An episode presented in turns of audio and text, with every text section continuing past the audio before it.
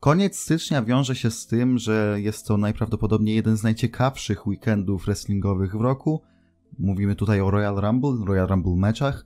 No a w tym roku, tak samo jak w ubiegłym, e, dzień wcześniej zobaczyliśmy również NXT Takeover, które jak zwykle przecież bije na głowę główny roster. Jakie są nasze odczucia po tym weekendzie, po tych dwóch wspaniałych galach? E, dzisiaj sobie tutaj je omówimy, e, podyskutujemy na temat tego, co może się wydarzyć w przyszłości i oczywiście również ponarzekamy, bo narzekać zawsze trzeba. Narzekać warto przede wszystkim. Jeżeli jeszcze nie subskrybujecie podcastu Głos Wrestlingu na YouTubie, to zapraszam na odpowiedni kanał. Jeżeli za to słuchacie mnie, nas, i innych gości, którzy tu się będą pojawiać w aplikacjach podcastowych, no to możecie obserwować na Spotify czy w każdej innej aplikacji. Tam, jak zwykle, również się te odcinki pojawiają. No dobra, myślę, że możemy przejść do meritum. Jeszcze jedna kwestia techniczna. Jeżeli chcecie pominąć całkowicie dyskusję o takeover, to dostaniecie, powiedzmy, zaznaczenie, w której minucie i w której sekundzie kończymy rozmawiać o takeover, a zaczynamy o Royal Rumble. Możliwe, że zrobię również takie e, time marki do poszczególnych walk, żeby było po prostu Wam wygodniej. Kwestia jest tego, czy mi się będzie chciało, więc zobaczycie, czy mi się będzie chciało w opisie pod, pod podcastem. Dobra, przechodzimy, Panie i Panowie. Moim gościem jest jak zwykle Damian, Damian Puto, Damonokami, jak zwał, tak zwał. Ważne, że merytorycznie y, człowiek, który stoi na poziomie, więc będziemy sobie dzisiaj kulturalnie dyskutować. Teraz się możesz przywitać po tym przydługim wstępie. Dzień dobry, ale raczej dobry wieczór. Tak, no zależy jeszcze kto kiedy tego słucha. Dobra, przejdźmy od razu do NXT TakeOver, bo czas nas trochę goni, biorąc pod uwagę jak dużo jest do omówienia.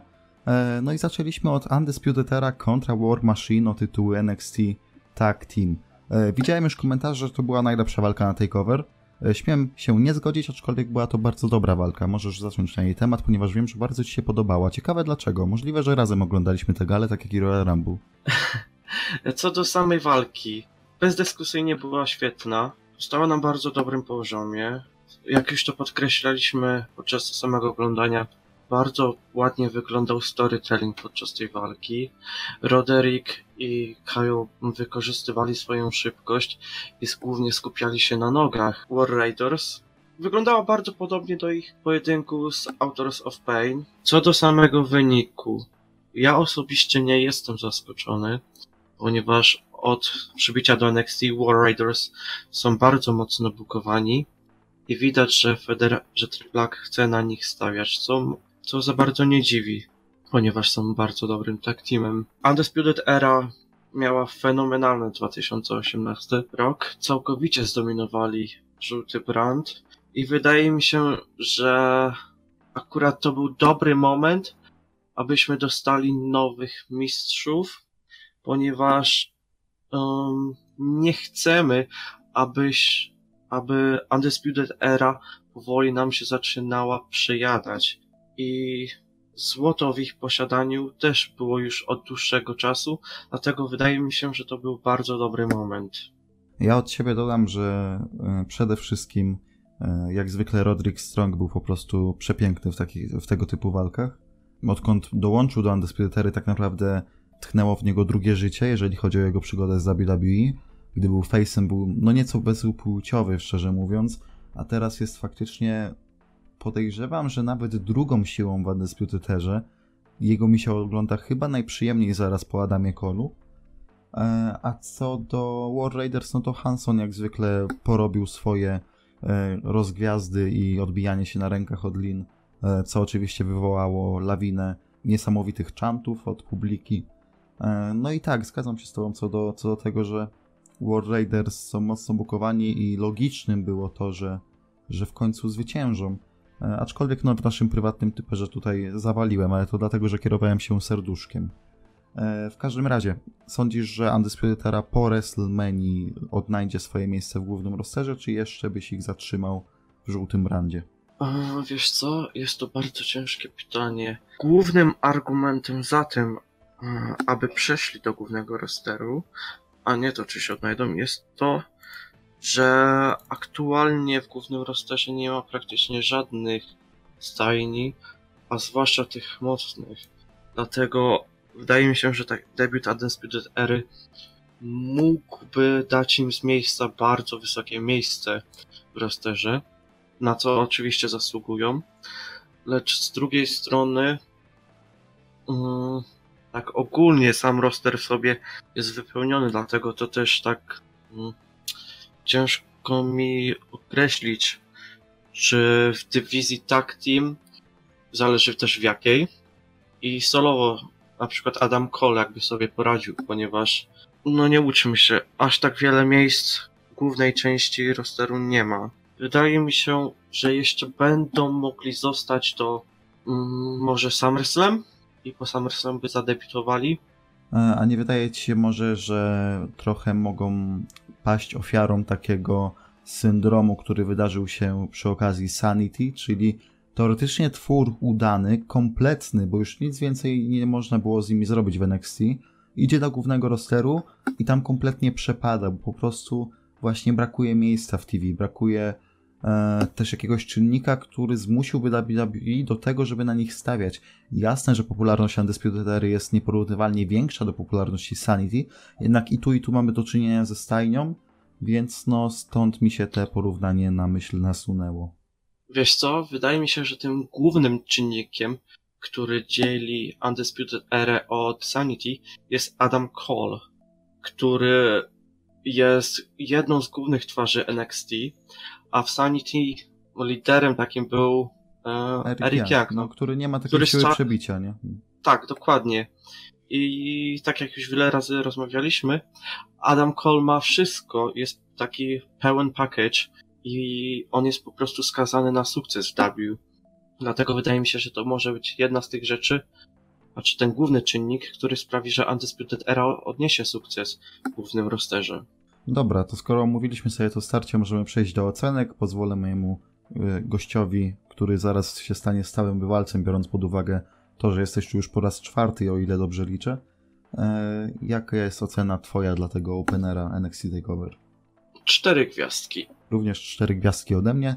I teraz czas na przejście do drugiej walki. Matt Riddle kontra Cassius Ohno. Było to ich trzecie starcie w ostatnim czasie, a drugie na TakeOver.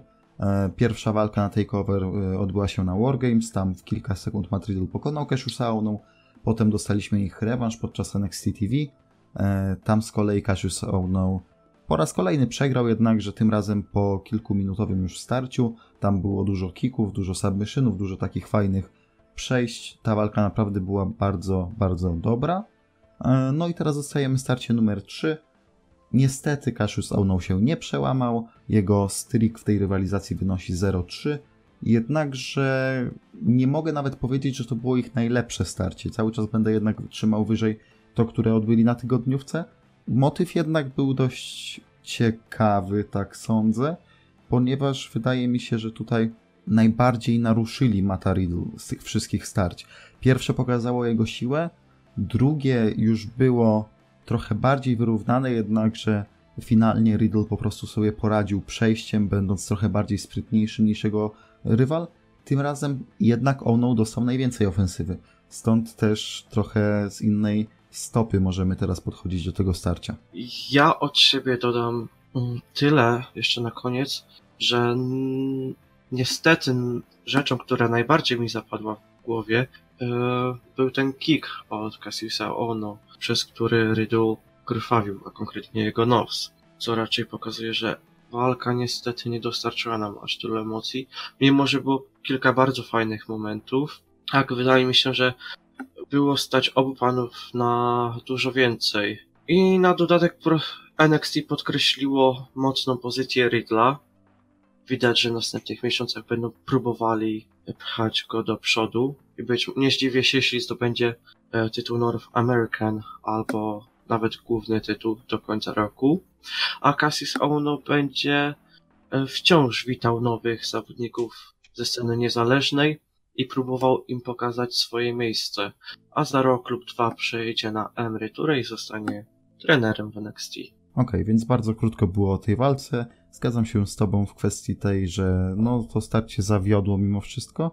E, no i co? I mimo wszystko, znów powtórzenie, e, zawód nie oznacza jednak jakiejś tragicznej walki, gdyż ja sobie to oceniłem na trzy gwiazdki. Teraz pytanie do Ciebie, jaka jest Twoja ocena? A ja tutaj zaskoczę wszystkich i również oceniam starcie na trzy gwiazdki. No widzisz, to niesamowite zaskoczenie. Sądzę, że to było najbardziej ekscytujące wydarzenie, jeżeli chodzi o omawianie tej walki, czyli właśnie Big Reveal, że mamy taką samą ocenę. A teraz przechodzimy do subiektywnie najlepszej walki na gali, czyli NXT North American Championship mistrz Ricochet kontra Johnny Gargano, Spider-Man kontra Iron Man, jeżeli chodzi o ring geary.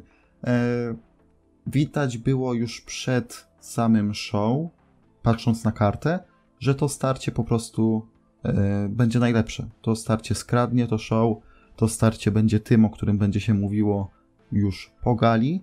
Co prawda nie wywołało ono tyle bazu w internecie i we wszystkich mediach, e, co w przypadku zeszłorocznego NXT TakeOver, gdy Gargano walczył z Almasem. Jednakże wydaje mi się, że poziomem ta walka dorównała temu starciu. Nie mówię, że go że przebiła, jednakże e, stawiam, iż i tak na koniec roku to o tej walce ja przynajmniej będę mówił jako jednej z lepszych w 2019.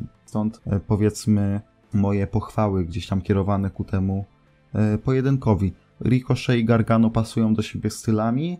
E, Ricochet i Gargano stworzyli tutaj coś, co nie było tylko suchym spotfestem, a jednocześnie miało tam namiastki historii, która była kluczowa do wydarzeń z późniejszej części Galia, w zasadzie z jej zakończenia. I w końcu Ricochet i Gargano dołożyli swoją cegiełkę do feudu, który jest w tym feudu, to już bardziej storyline, to już bardziej historia pisana pod telenowelę, czyli do, do tego, co się dzieje z Tomaso Ciampą i Johnem Gargano. Johnny Gargano w końcu wygrał ten Big One, tylko musiał się e, posłużyć taktyką, powiedzmy, Tomaso Ciampy, czyli nieco zaprzedać duszę diabłu. I to zrobił. I to mu się opłaciło. I przy okazji panowie dostarczyli nam po prostu fenomenalne starcie, do którego sobie na pewno jeszcze wrócę nie raz i nie dwa, tak samo jak zrobiłem to z walką Almasa z Gargano, tak samo jak robię to często z takimi walkami, które gdzieś tam są blisko mojego serduszka. Wiesz co?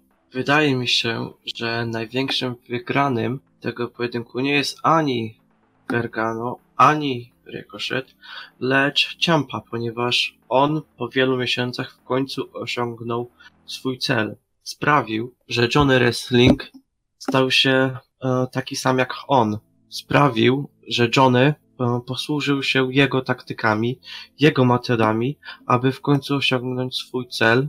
I tak się stało. E, też należy podkreślić, co jeszcze potem powiemy, że Johnny użył tego samego spotu, co Ciampa w main evencie, aby pokonać rykoszeta, czyli zdjął tę taką powierzchnię na podłodze i wykonał akcję na rykoszecie pod koniec pojedynku. Gargano teraz najprawdopodobniej będzie trochę się trzymał ciampy, czyli ta historia, która gdzieś tam zaczęła się już od ataku ciampy na Gargano niemal dwa lata temu, teraz nabierze takiego skrętu, taki, taki zakręt wejdzie, że po prostu będziemy mówili najprawdopodobniej tutaj o storyline, który nie jest już nawet najlepszy obecnie. Nie jest już nawet najlepszy w 2018, 17 czy 19. To będzie najprawdopodobniej storyline, ta cała ich relacja, gdzieś tam od tag teamu, przez Cruiserweight Classic od tej walki, po atak ciampy, potem ich rywalizację na takeoverach, teraz ich jakby pełen, swego rodzaju reunion. To będzie rywalizacja, która będzie przywoływana za kilka lat mm, w jakichś top listach tych najlepszych.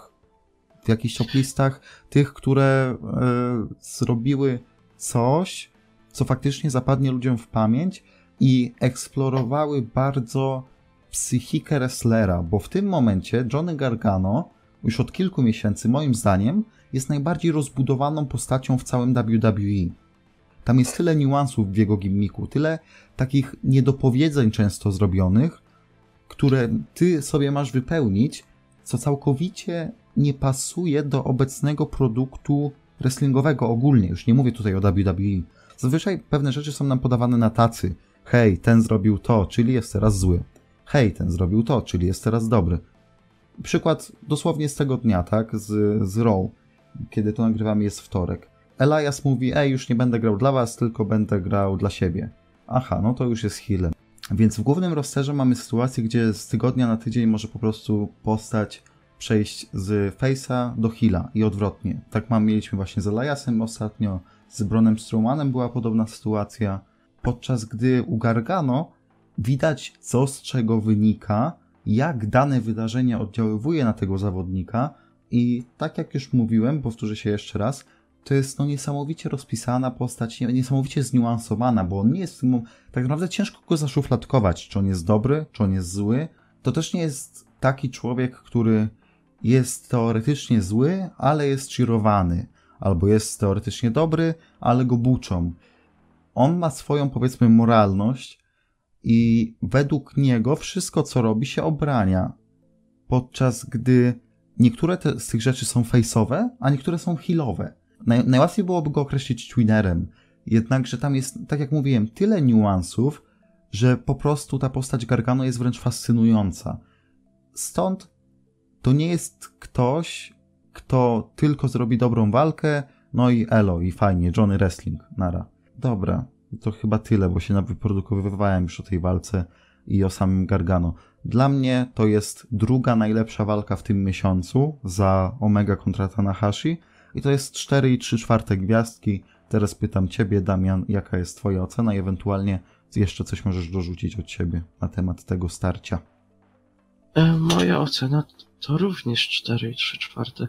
Ja w sumie mam niewiele do dodania, ponieważ powiedziałeś praktycznie to, o czym mówiłem od wielu tygodni i to, o czym również też wspomniałem w naszym Top 100 Wrestlerów na świecie w 2018.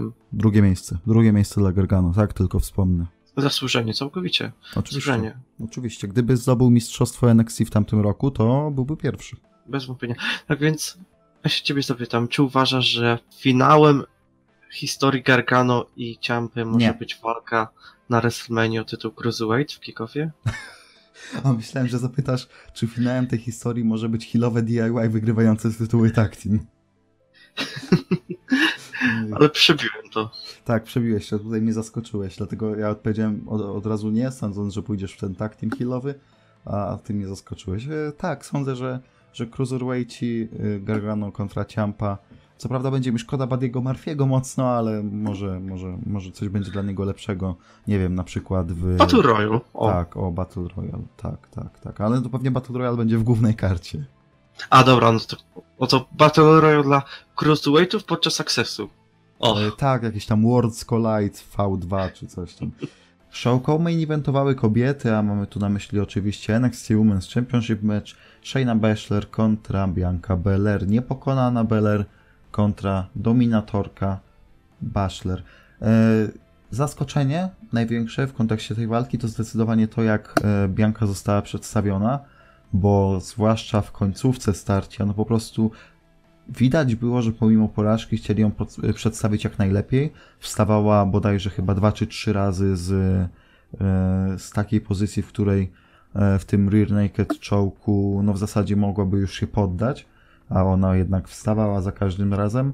E, no finalnie przegrała, co było raczej do przewidzenia, jednakże Baszler może nie miała z nią jakichś wielkich problemów, dużo bardziej krwi jej powiedzmy napsuły Ember Moon czy, czy Kairi Sane, jednakże zostawiła po sobie takie dobre wspomnienie. Tu wiem, że to brzmi jakby, jakby zmarła, jednakże nic z tych rzeczy.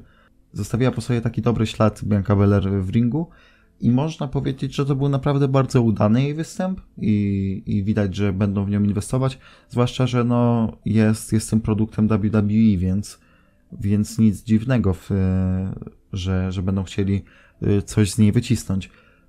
Baszler z kolei idzie dalej z tytułem. Nie wiem w sumie, kto może stanąć na niej, naprzeciwko niej podczas takeover przed WrestleManią. Mam dwa typy jednakże o tym pewnie sobie jeszcze porozmawiamy już po omówieniu tego starcia. E, tak jak mówię, Bianka bardzo dobrze została pokazana, jednakże bez niespodzianek Shayna wciąż jest mistrzynią i wciąż dominuje w tej dywizji kobiecej. Słucham teraz ciebie.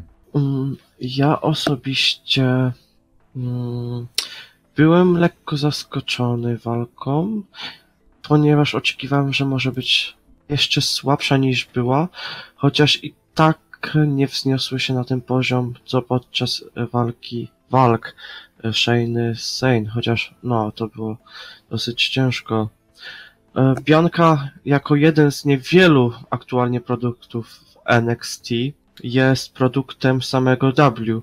Z tego co wyliczyłem, to Bianka jest chyba jedyną zawodniczką, która zaczęła w Performance Center w stałej karty NXT TakeOver Phoenix, co jest troszkę przerażające i może nie tyle co niepokojące, ale dające trochę do zastanowienia, czy W już na stałe nie odpuszcza e, stworzenia swoich własnych gwiazd i e, już całkowicie przejdą na branie żywcem z sceny niezależnej.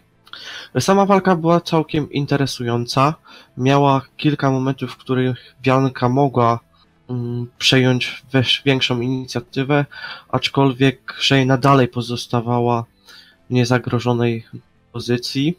Na dodatek kilka razy udało jej się uciec e, z tego, z submissionów. Wydaje mi się, że w przyszłości sięgnie po tytuł NXT, ale to już raczej będzie po tym, jak Shayna przejdzie do głównego rosteru. Teraz tylko pytanie brzmi, kto następny dla Shayny? No i jako, że już to wywołałeś, to ja mam dwa typy. Typ numer jeden to jest Io Shirai i typ numer dwa to jest Candice LaRe. Który jest bardziej prawdopodobny, nie mam pojęcia, nawet nie wiem, czy jest sens w tym momencie dywagować na ten temat. Jednakże Candice by się fajnie wpisała, nawet podejrzewam w tą całą historię z Ciampą i Gargano, którą już przywołaliśmy dzisiaj, a z kolei Io Shirai wydaje się już coraz bardziej eksponowana na tygodniówkach, coraz więcej się o niej słyszy, stąd też gdzieś tam wydaje się, że na horyzoncie i taką naturalną rzeczą jest, że prędzej czy później tego title shota dostanie. Pytanie tylko kiedy.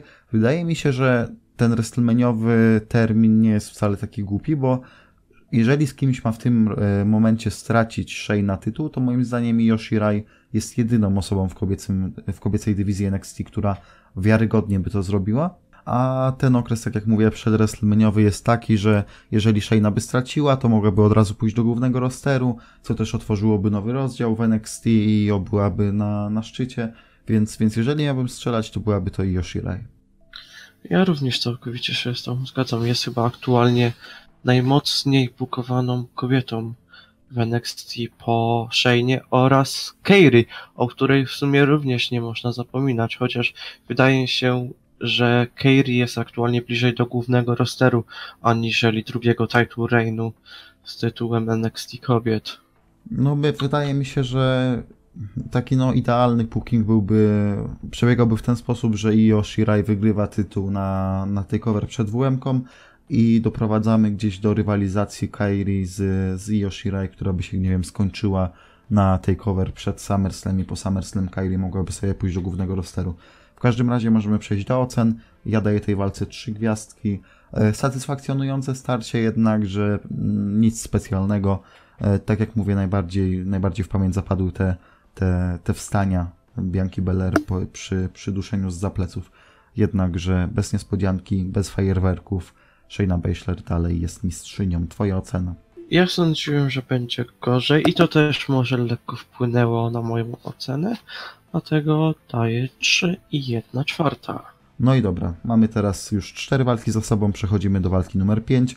Main event NXT Championship Tommaso Ciampa kontra Alistair Black. Wydaje mi się, że ta walka będzie mocno niedoceniona przez wielu oglądających. Wydaje mi się, że niektórzy mogą powiedzieć, że nawet była nudna. Wydaje mi się również, i te powtórzenia są specjalnie, iż mimo wszystko było to drugie najlepsze starcie na gali. I teraz co? Ale tak team match, ale Ricochet kontra Gargano. No właśnie za Ricochet kontra Gargano bym uplasował to starcie, co już trochę spoileruje moją ocenę. Jednakże jedna rzecz, jedna cecha tej walki, która wybiła się na tej gali najbardziej. Spośród wszystkich walk najwięcej dostałem tego tutaj. Psychologia ringowa. Mm, takie bardzo mądre poprowadzenie walki i o ile te dwa słowa są bardzo nadużywane gdzieś tam w dyskusjach y, ludzi próbujących mówić, że się znają, a się nie znają, czyli dokładnie w takich ludzi jak ja, to tutaj naprawdę było to widać. Tutaj mieliśmy osłabienie kończyn, jednakże miało to faktycznie realny wpływ na to, co widzieliśmy w walce i jakie następowały po tym, e, po tym wydarzenia.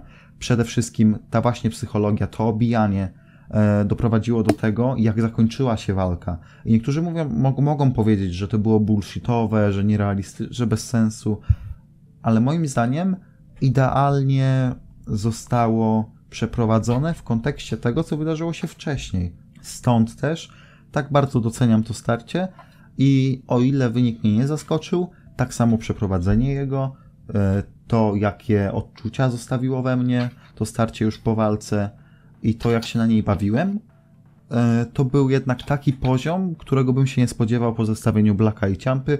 Moje wymagania były dużo niższe. Mi to, co od początku rzuciło się bardzo mocno w oczy, to to, że Ciampa po raz kolejny jest przedstawiany jako ten gorszy zawodnik ringowo.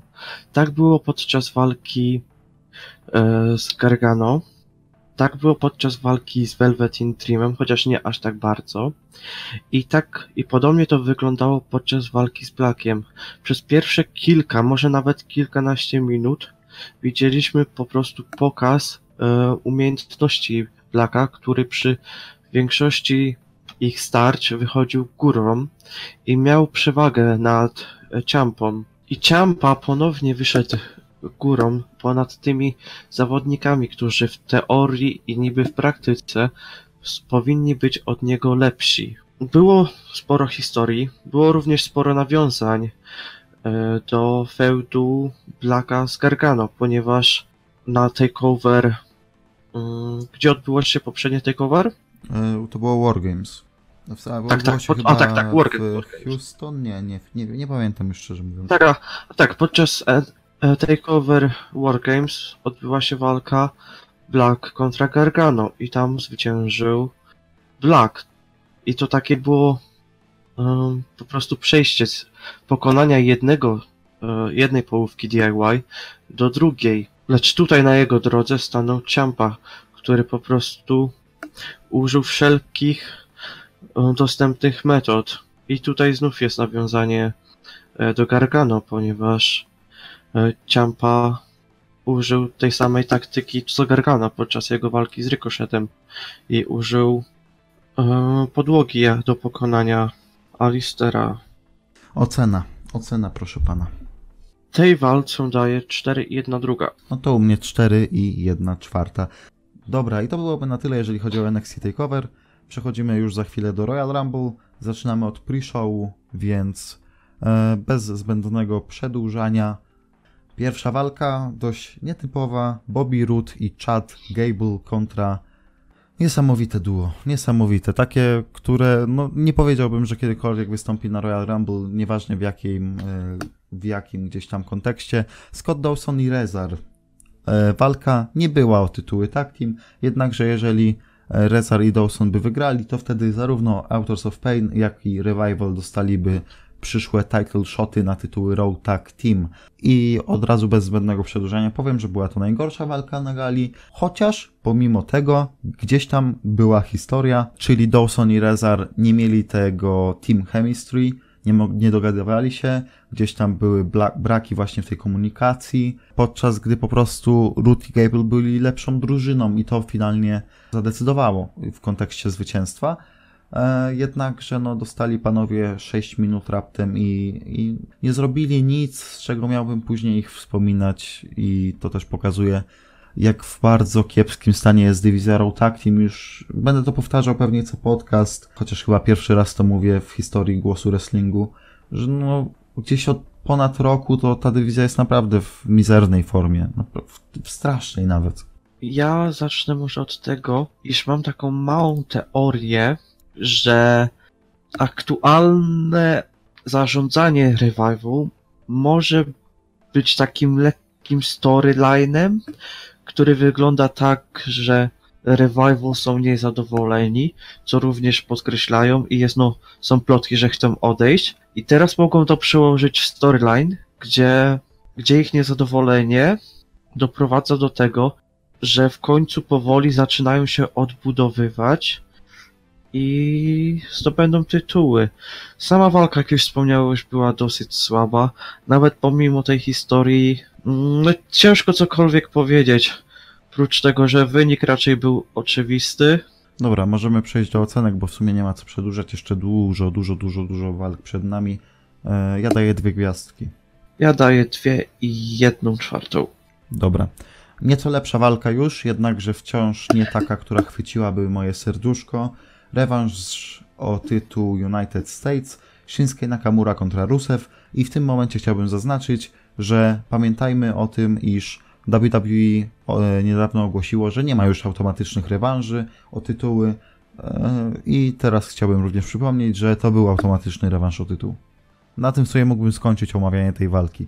A tak serio to e, było sporo mm, akcji takich strikingowych, było trochę pokazania zarówno Nakamury, jak i, jak i Rusewa jako takich podobnych sobie zawodników, jednakże nie miało to podjazdu do ich walki ze SmackDown. I po drugie, e, końcówka. Końcówka, która była, nazwałem to już w trakcie oglądania gali, po prostu e, z Żyną i to straszną z końcówki walki Ciny z Rusewem z WrestleMania 31. Tam różnica była tylko taka, że John Cena nie zdejmował e, nakładki z narożnika. Lana niestety biedna, znowu spadła i najprawdopodobniej w swojej karierze już po raz, nie wiem, dziesiąty, pewnie 15, 20 Lana w jakiś sposób przyczyniła się do porażki Rusewa. No i co? I Shinsuke Nakamura wygrywa po raz drugi tytuł Stanów Zjednoczonych. E, I to nie znaczy absolutnie nic, ponieważ tytuł Stanów Zjednoczonych wciąż nie będzie znaczył absolutnie nic. Powiedziałeś już bardzo wiele, chyba zdecydowanie za dużo niż ta walka zasługuje. Ringowo nie było źle. Można było się do, przynajmniej nawet dobrze bawić momentami. Wynik nie był według mnie aż tak wielkim zaskoczeniem, ponieważ jeśli chcieli zatrzymać Nakamurę w W, to raczej danie mu tytułu US było jedną z tych rzeczy, które mogły go zatrzymać w federacji. A Rusev raczej też nie ma co narzekać. Dostał tytuł, trzymał go przez aż trzy tygodnie. Nie wiadomo, czy na WrestleMania dostanie coś większego. Battle Royale. Chciałbym powiedzieć, że, że coś większego to jest Battle Royale, bo tam jest naprawdę dużo zawodników. Dokładnie. I jeszcze jest szansa, że mógłby to wygrać. Eee... W przeciwieństwie na przykład do walki solowej. Nie, nie, nie. Wiesz co, wydaje mi się, że nie wygra. To znaczy tak, mój, moje pier... moja pierwsza predykcja co do Rusewa na WrestleMania to jest pojawienie się w Battle Royale i predykcja numer dwa, nie wygra go. Ja się nie zgodzę. Okej, okay, dawaj ocenę teraz. Przejdziemy do tej najciekawszej części pre-showu za chwilę, ale najpierw ocenkę. E, mimo tego, co powiedzieliśmy o tej walce, e, to daję trzy gwiazdki. Dwie i trzy czwarte. Ja daję za to. Dobra, e, Buddy Murphy kontra Akira Tozawa kontra Hideo Itami kontra Kalisto, Fatal 4-Way Match o tytuł Cruiserweight. I to po pierwsze, była najlepsza walka pre-showu, a po drugie dostaliśmy po prostu 12 minut, które było świetną reklamą dla 205 Live, było świetną reklamą dla Badiego Murphy'ego moim zdaniem, jako mistrza. I ostatnia rzecz, dwa spoty, które przede wszystkim rzuciły się bardzo, które odbiły się zdecydowanie w mojej pamięci, to po pierwsze ten Suicide Dive połączony z Hurricane Runą od Kalisto na Buddy Murphym i jeszcze lecącym Akirą Tozałą, to chyba Tozała był, który tak poleciał pięknie, albo Itami, któryś z nich, chyba Tozała. I spot numer dwa to Kalisto, który wyrzuca niczym po prostu z trampoliny Tozałę, rzucając go nogami z apronu na, na bodajże Itamiego to Zała tam naprawdę mógł po prostu sobie zrobić krzywdę, gdyby nikt go tam nie złapał, powiedzmy, gdyby, gdyby leciał na, na podłogę. Dwa spoty naprawdę bardzo fajne i końcówka, która pokazała również, że Buddy Murphy to jednak się w tańcu nie bawi. O, tak powiem. W tańcu się Buddy Murphy nie bawi i zdecydowanie jest jednym z ciekawszych wrestlerów, jeżeli chodzi nie tylko o cruiserweightów, ale i ogólnie o obecny roster WWE. Buddy Murphy jest miłością, Buddy Murphy jest życiem, a teraz oddaję Tobie głos. Niestety nie oglądam aż tak dużo 205 jak Ty, więc nie będę mówił tak długo, ale zacznę od tego, że według mnie to była najlepsza walka cruiserweightów na pay-per-view od kiedy, od kiedy dywizja została wskrzeszona. Walka była naprawdę stała na świetnym poziomie. Praktycznie cały czas coś się działo i to, co to, na co bardzo często narzekamy w głównym rosterze WWE, podczas walk Multiman bardzo często jest tak, że w ringu stoją tylko dwaj zawodnicy i walczą, a reszta zawodników jest poza ringiem i sobie leży.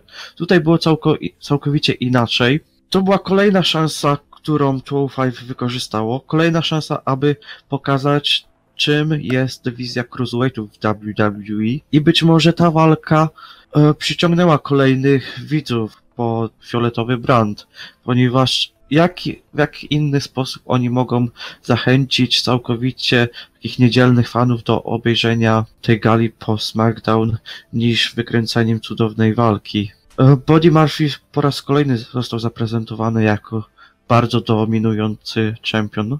I teraz pozostaje pytanie, kto następny? Moją teorię już usłyszałeś e, podczas oglądania, jeżeli chodzi o to, kto następny. Najlepszy generalny menadżer e, ostatnich lat, czyli Drake Maverick. Nie kojarzcie go tylko z tym, że się poszczał na Survivor Series i haha beka, bo Vince ma takie super poczucie humoru. Drake Maverick ogłosił ostatnio, że do 205 Live przychodzić będą nowe gwiazdy, po tym jak kayfabe'owo oczywiście rozmawiał z innymi generalnymi menadżerami, którzy już nie istnieją, bo jest nowa era w WWE, ale on wtedy jeszcze jak istnieli, to on rozmawiał i mówił, że, że będą nowe gwiazdy w 205. E, już widać to po na przykładzie Umberto Carrillo, który pojawił się dwa tygodnie temu na 205 Live i przegrał z Buddym Murphym. Co prawda, jednakże e, zaprezentował się z fajnej strony, tak samo zaprezentował się z fajnej strony również w walce z Grand Metalikiem tydzień później.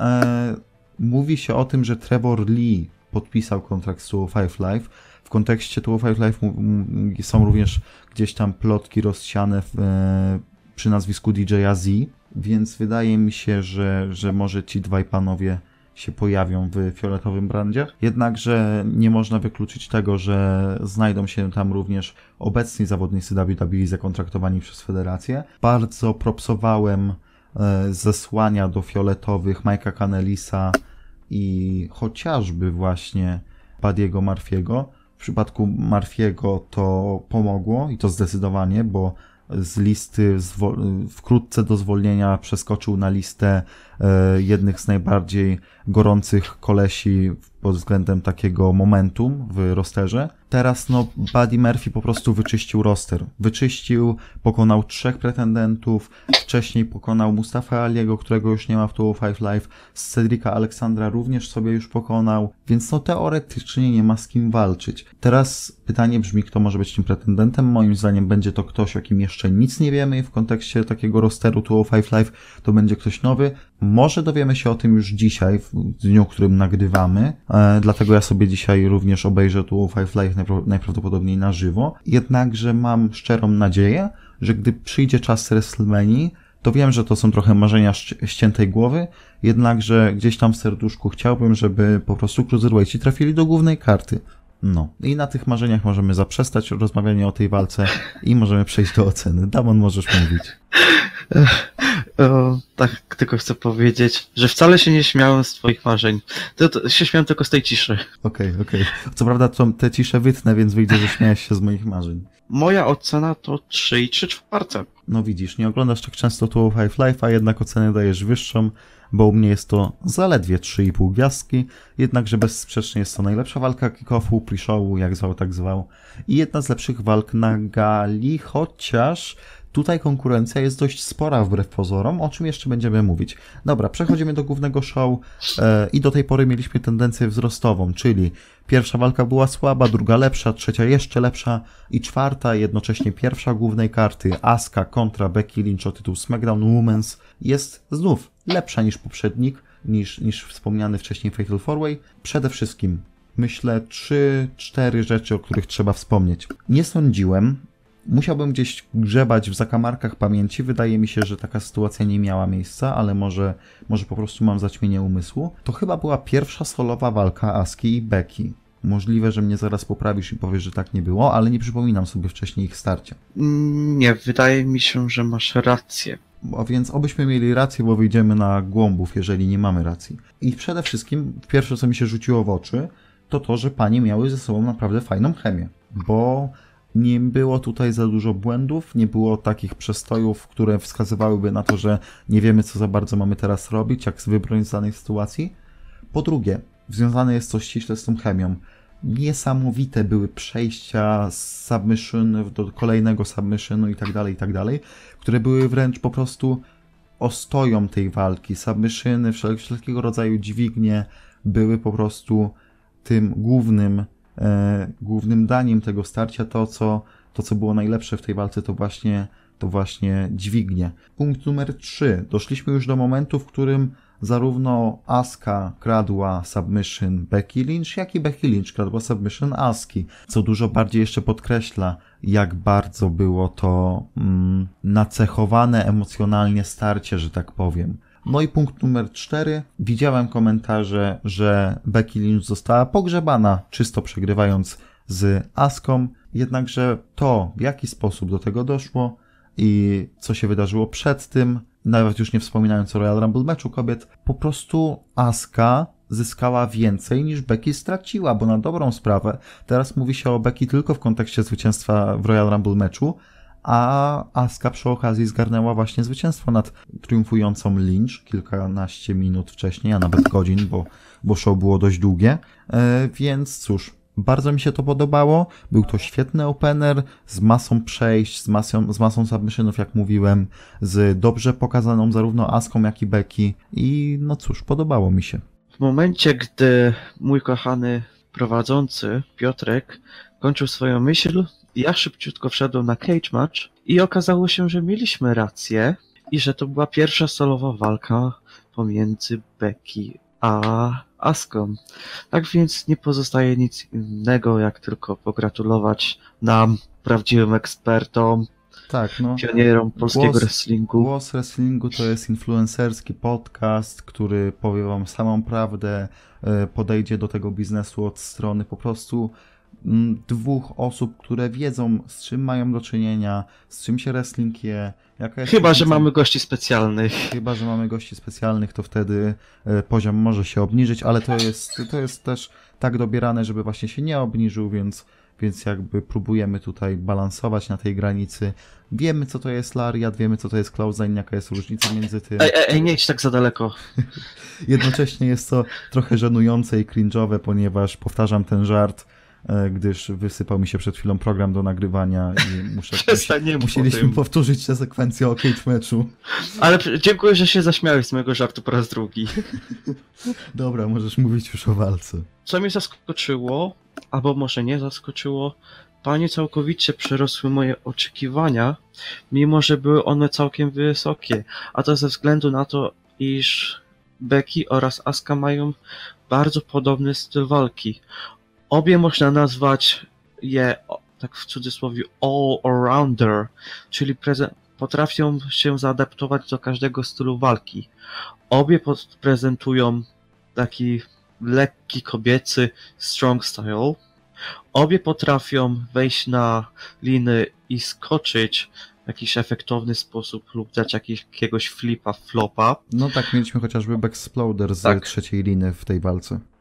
I jeszcze ta, Obie akcja, równie- jeszcze ta akcja z Apronu, gdzie, gdzie Becky zrobiła 100, 180 stopni obrót, żeby wylądować na plecach za ringiem. Tak, tak. Oraz co najważniejsze, obie specjalizują się w akcjach submissionowych, wokół czego krążyła ta walka już pod sam koniec, gdzie e, toczyły się e, decy, decy, decydujące fragmenty. Ich przejścia oraz kontry były naprawdę niesamowite. One jeszcze bardziej podniosły prestiż tego pojedynku i to jest jedna z tych. mm, To jest jeden z tych czynników, dzięki którym wygrana Aski i przegrana Becky jakoś nie powodują, że Irlandka ucierpi na tym starciu, ponieważ obejrzeliśmy cudowny pojedynek. Aska bardzo na tym skorzystała, ponieważ fenomenalnie rozpoczyna swój title, title reign i będzie i to daje jej okazję takiego mm, drugiego życia daje jej okazję odżyć w głównym rosterze, a sama Becky no nic na tym nie straciła, ponieważ e, dwie godziny później weszła do kobiecego Rumble i wygrała. Dobra. Mm, Jeżeli masz coś jeszcze do dodania, to odrzucaj, a jeżeli nie, to możesz już rzucić oceną. Tak więc rzucam tak pięknie, lekko swoją oceną i daję cztery gwiazdki. No to podtrzymujemy e, storyline, gdzie ja daję jedną czwartą mniej. A teraz musimy być poważni. Uśmiech na ustach właśnie się pojawił, ponieważ przechodzimy do omówienia najważniejszej walki tego weekendu. Wliczamy Takeover, wliczamy Worlds Collide, wliczamy e, Royal Rumble mecze, wszystko wliczamy. Wydaje mi się, że nawet Wrestle Kingdom. Tak, to była najważniejsza walka stycznia. To była najważniejsza walka stycznia, panie i panowie. Najlepszy tak team na świecie. Shane McMahon, czyli najlepszy wrestler na świecie. I The Miz, czyli jedna trzecia najlepszego wrestlera na świecie. Kontra mistrzowie SmackDown Tag Team, jednak już niedługo, ponieważ zderzyli się z najlepszym tag teamem na świecie. Debar, ja zacznę. Ja zacznę, Kurde. albo nie. Ale je, wiesz co, ja wiem ile to Naprawdę? dla ciebie znaczy. Ja wiem ile to dla ciebie Sądzisz, znaczy. naprawdę, sądzisz, że jestem warty, aby rozpocząć? Tak jest, zrób to. W Piotrze, ja nie wiem ci jak wdzięczę. Pro, proszę, proszę, I, idź z tym, leć. Od czego ja mogę zacząć? A tak całkiem na poważnie. Walka ringowo nie zapowiadało się aż tak dobrze, chociaż wydaje mi się, że każdy, kto w miarę ogląda SmackDown co tydzień, był raczej nastawiony, że to będzie skupiało się wokół emocji i budowaniu wielkiego momentu, a konkretnie wygranej Shayna oraz Miza. I tak też było, ponieważ e, w, pew- w pewnym momencie Cesaro i Sheamus przejęli całkowitą kontrolę nad pojedynkiem. W momencie, gdy Miz był w, ring, w ringu i całkowicie go zdominowali, obijali go no ponad 5 minut i aż się prosiło, aż Mike przejmie chwilowo kontrolę nad walką, a Shane zrobi hot tag. I tak też było. Dostaliśmy hot tag ze strony Shane'a, który całkowicie zdemolował e, mistrzów tag team. No i, i co ja mam powiedzieć? 50, 50-latek robi Shooting Star Press. Nie zboczował tego. Zrobił to w bardzo piękny sposób. To był... To Shane McMahon. Ja, ja mi słów, siebie kilka słów. rzeczy. Dorzucę od siebie kilka rzeczy. Po pierwsze, w pięknym świecie żyjemy, że The Miz jest w ringu. Miz, który zdobył już tyle mistrzostw, który main eventował WrestleMania. I jest on w tym ringu i dostaje w czerep od, od The Bar, a przy narożniku stoi nie kto inny jak Shane McMahon i to walka jest bukowana w ten sposób, żeby Shane McMahon dostał hot tag. To jest niesamowite w ogóle. Druga niesamowita rzecz to jest Cezaro robiący swing przez jakieś 30 sekund. Cezaro robiący swing przez jakieś 30 sekund. Shane trzymający rękę na, za głową, tak jakby śpiący po prostu i czekający aż to się skończy. I gdy ten swing się kończy i teoretycznie osłabiony Ja tylko- jest Shane McMahon, to wtedy Shane McMahon nie robi sobie całkowicie nic z tego i zapina trójkąt na Cezaro. Ja tylko powiem, że w tamtym momencie Shane wygląda jakby jest to, wygląda jakby leżał na leżaku. E, po trzecie, w tej walce to Miz zawsze był w tarapatach i wtedy na ratunek przychodził Shane McMahon. I y, kurde, po czwarte to Shane McMahon Shane zdobywa... McMahon. I po czwarte to Shane McMahon zdobywa zwycięski pinfall na, na nikim innym jak na jak na jednym z, z zawodników The Bar, to chyba był Sheamus czy Cesaro, nieważne, po Shooting Star Pressie to zrobił. I The Bar ma pecha, bo na WrestleMania przegrali tytuły Raw Tag Team z Braunem Strowmanem i, i Nicolasem, a teraz przegrywają z Mizem i Shane'em McMahonem. Chciałbym się tylko jakby odnieść do tej walki w tym kontekście, że dostarczyła mi ona najwięcej rozrywki, bo po prostu ja jestem tak wciągnięty w ten storyline, tak samo jak zresztą i Damian, że no ciężko było po prostu nie jarać się z każdą kolejną sekundą tego starcia. I no, moje serduszko zostało skradzione i ja wiem, że ja jeszcze tę walkę zobaczę nie raz i nie dwa w przeciągu najbliższych dni, bo, bo tam było tyle pięknych momentów, że nie, no, tak już całkiem serio, no to super w ogóle, że poszli w tym kierunku, że, że Shane i Miz są mistrzami i to musiało się stać, to był jeden z pewniejszych typów moim zdaniem na Royal Rumble. E, A jeżeli chodzi o gwiazdki, to przyznaję tej walce trzy gwiazdki, jednak to nie jest ważne, to nie jest w ogóle istotne, bo ta walka ma coś więcej. Ta walka kupiła po prostu mnie jako człowieka. Ta walka zrobiła ze mną coś, po czym, gdy Shane przypiął, przypiął i wygra, wygrali, no, no wstaliśmy, wstaliśmy i sobie po prostu zaczęliśmy krzyczeć i podawać ręce na znak po prostu euforii i, i no, nie zapomnę tego w tym kontekście. niesamowite starcie. W trakcie ostatnich dni ta walka była jedną z dwóch rzeczy, które prosto trafiły do mojego serca. Ocena tej walki całkowicie nie oddaje tego, co naprawdę sądzę o tym pojedynku i podtrzymuje tradycję 3 i 1 czwarta. Ech, piękne. No, powiem ci, że omawianie tej walki było chyba najprzyjemniejszym przeżyciem w historii tego podcastu z mojej strony. Naprawdę. To krótka historia podcastu, ale, ale no, bawiłem się super. tak samo jak na tej walce. Dobra. Y, Raw Women's Championship. Ronda Rousey kontra Sasha Banks. I znowu teraz y, będę miał kilka rzeczy do powiedzenia, a potem oddam ci głos. Numero uno. Sasha Banks nie zrobiła nic, żadnego ruchu, po którym zastanawiałbym się, jak ona to przeżyła w kontekście tego, że coś zepsuła i prawie się uszkodziła, powiedzmy. E, to już jest sukces. Numer dwa. Ronda Rousey, to oczywiście wyniosłem z, z omówienia Briana Zayna na Wrestling with Regret, ponieważ nie mam własnego zdania. E, Ronda Rousey najprawdopodobniej wygrała swoją pierwszą walkę przez spin, przynajmniej singlową w swojej karierze. To jest no niespodziewane. I numer 3. Sasha została naprawdę pokazana bardzo mocno. Wydaje mi się, że została pokazana najmocniej ze wszystkich rywalek Rondy Rousey. Walka mi się podobała, jednakże powiedzmy sobie szczerze, że nikt tutaj nie wierzył w to, że Sasha Banks pokona Rondę Rousey. Dlatego też gdzieś ta magia zniknęła nieco z, z kwadratowego pierścienia. E, jednakże zostało tutaj zbudowane kilka rzeczy. Przede wszystkim właśnie Sasha zagroziła rondzie, co się nie zdarzało powiedzmy często e, byłej mistrzyni UFC, w walkach byłej mistrzyni UFC. E, no i po drugie, nie wiem czy ta walka była już wcześniej rozpisana tak jak większość walk Rousey, czy nie była tak jak walka z Rose z Natalią, czy była przećwiczona właśnie, czy nie była. Jednakże wyszło to znów dobrze. Wiem, że mamy nieco inne zdania o rondzie. Tu się akurat dużo bardziej różnimy niż te jedna czwarta, niż ta jedna czwarta gwiazdki co chwilę. Jednakże ciężko wyczuć u niej takie rzeczy, które byłyby typowe, przynajmniej w ringu, dla osoby, która trenuje ledwo co rok, powiedzmy. W sensie chodzi mi o to, że nie popełnia takich idiotycznych błędów, jakie zdarzają się naprawdę kilku osobom z dużo większym stażem. I to jest kolejny dowód na to, moim zdaniem. Ta walka.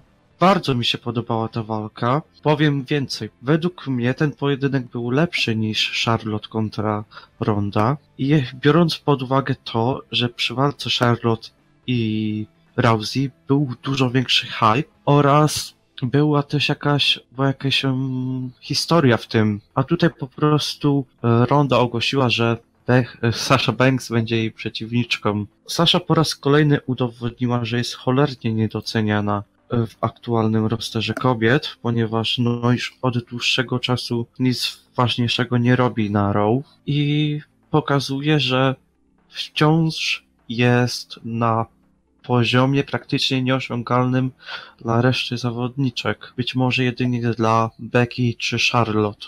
Walka, jak już wspominałem, bardzo mi się podobała. Było wiele momentów, w którym Sasha przeważała nad Rondą, co już jest w miarę dobrym osiągnięciem. E, dobra, myślę, że możemy przejść do ocen. E, to, co powiedzieliśmy, to raczej już oddaje całkowicie to, co sądzimy o tym starciu. Ja tylko jeszcze dorzucę, że teasowali bardzo mocno ewentualny atak Saszy na, na rondzie już po walce. Jednakże nic takiego się nie wydarzyło, więc jeszcze możemy spać spokojnie, zwłaszcza biorąc pod uwagę wydarzenia z Raw. W przeciągu najbliższych kilku miesięcy jeszcze nie zobaczymy Four Horsewoman kontra Four Horsewoman. E, zwłaszcza, że, że pano, panie e, Duke i, i, i Shafir po prostu jeszcze są zbyt zielone. Dobra, e, ja rzucam 3 i 1 czwarta. A ty co rzucasz? Ja rzucam 3 i 1 druga. No co za przypadek, że puf, ćwierć gwiazdki.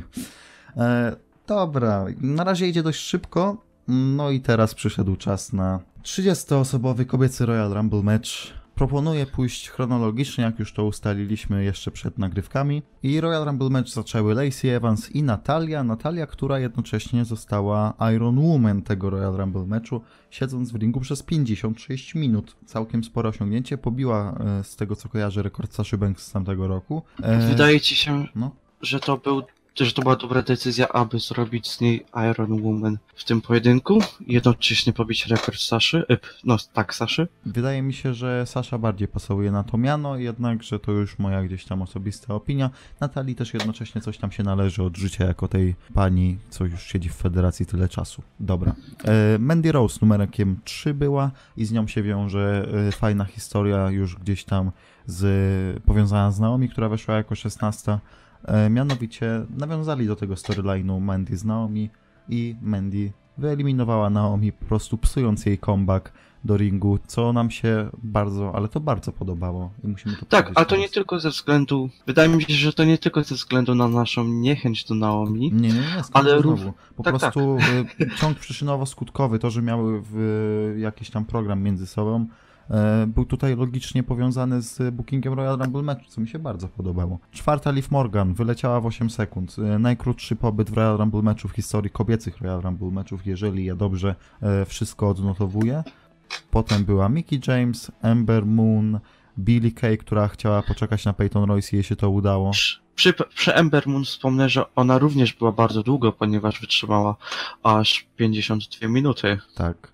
E, Billie Kay poczekała na Peyton Royce i znowu wyciągnę coś z podsumowania Briana Zayna. Zabawnie by było, gdyby Billie Kay czekała, tak i czekała, a Peyton Royce na przykład miałaby numerek 25, czy coś, coś takiego. Dalej była Nikki Cross, która zaatakowała Billie Kay e, jeszcze na stage'u. Peyton Royce, Tamina, pierwszy powiedzmy kolab, taki e, epizodyczny z NXT zajęli, e, następnie Sarah Logan, no i z numerem 13 wbiła Charlotte Flair, czyli jedna z głównych faworytek do zwycięstwa w tym Royal Rumble meczu. Spędziła w ringu 50 minut i zgarnęła najwięcej eliminacji, eliminując cztery zawodniczki. Wyeliminowała Lacey Evans, z którą miała stare down, wyeliminowała Taminę, wyeliminowała Zajeli i, wy, i, wy, i wyeliminowała e, Bailey oraz co z Carmele, to wyszłoby na to, żeby jednak wyeliminowała pięć zawodniczek. Można o niej powiedzieć, że tak jak mówiłem już wcześniej, miała te swoje stardowny z Lacey Evans. Lacey Evans, która wrócę do niej, e, na początku nie wyglądała zbyt pewnie w ringu, jednakże z upływem czasu już jej prezencja była coraz lepsza. Ba, powiem nawet, że robiła takie rzeczy, których nie widziałem od niej w ringu NXT, co jakby jest zaprzeczeniem tezy, że główny roster ogranicza. E, I podobał mi się jej występ, tak już ogólnie rzecz biorąc. E, Tak, tak, całkowicie no. się z tobą zgodzę co do Lacey, ponieważ już wydaje mi się, że w idealny sposób wykorzystała swoją szansę, aby pokazać się przed większą publicznością i to jej bardzo pomoże e, podczas Road to WrestleMania, ponieważ... Zwłaszcza, że, tak, ja, ja, przepraszam, że ci przerwę, zwłaszcza, że e, to był jej debiut jakby w ringu, tak? Odkąd, odkąd weszła do Tak, tak. głównego rosteru. I gdyby nie ta szansa w Royal Rumble matchu, wydaje mi się, że nie miałaby tak lekko w następnych miesiącach. Tak więc polecam obserwować tę panią, ponieważ wydaje mi się, że czekają na nią wielkie rzeczy. Zwłaszcza, że jej finisher to- nazywa się Women's Ride, więc idealny po prostu. No, no, to jest moja ulubiona nazwa finishera, powiem nieskromnie o w ten sposób. A co do Charlotte, ja zauważyłem, że przez pierwsze kilkanaście minut Charlotte obrała sobie jako za cel te naj, tak stosunkowo najmniej doświadczone zawodniczki. Czyli najpierw zabrała się za Kairi Sane, która zaraz po niej weszła do ringu. E, Również miała kilka, e, atakowała przez kilka minut zajęli oraz e, Lacey Evans, o której wspomniałeś. Czyli jej taktyką było skupienie się na tych najmniej doświadczonych zawodnikach i oszczędzanie energii na końcówkę pojedynku. Tak jak mówiłeś, dalej była Kairi Sen. Następnie Maria Kanelis, która była dość mm, zaskakującym wyborem do Royal Rumble meczu, zwłaszcza w kontekście tego, co ona w tym Royal Rumble meczu zrobiła, bo co prawda była dość dużo, dość długo, bo przez 8 minut, aczkolwiek no najbardziej będzie wspominana na pewno z y, takiego stare-downu slash połączenia sił z Alicia Fox, który zajął dużo czasu, bo to trwało od ich takiego połączenia, od, od wejścia Marii, gdzie wtedy, czy Alicia Fox nie stała wtedy naprzeciwko Charlotte, chociaż mogę się mylić. Stała naprzeciwko którejś z zawodniczek i między nie weszła Maria. Tak, była wtedy Lacey Evans i Charlotte. Tak, tak, tak, tak, tak, tak. Dołączyła do nich Alicia Fox. Potem Alicia Fox połączyła siły z Marią. Maria jednak yy, po dostaniu kapelusza kapitana yy, nadepnęła na niego. Był wielki, reveal, był wielki reveal, że jednak Kanelis nie chce tutaj współpracować z Alicią. Cała ta sekwencja trwała z dobre 2-3 minuty. I to trwało bardzo długo i cały czas działo się w tym centralnym punkcie ringu, e, co mnie zaskoczyło pod tym względem, że tak naprawdę poza tym wtedy w kwadratowym pierścieniu nie, nie działo się całkowicie nic, więc jakby nacisnęli bardzo mocno na, na tę część e, Royal Rumble wydaje, meczu. Wydaje mi się, że to był ten tak zwany comedy point, który jest w każdym Royal Rumble meczu. Czy było śmieszne, czy nie, jednych bawiło, innych już nie. To zależy od poczucia humoru.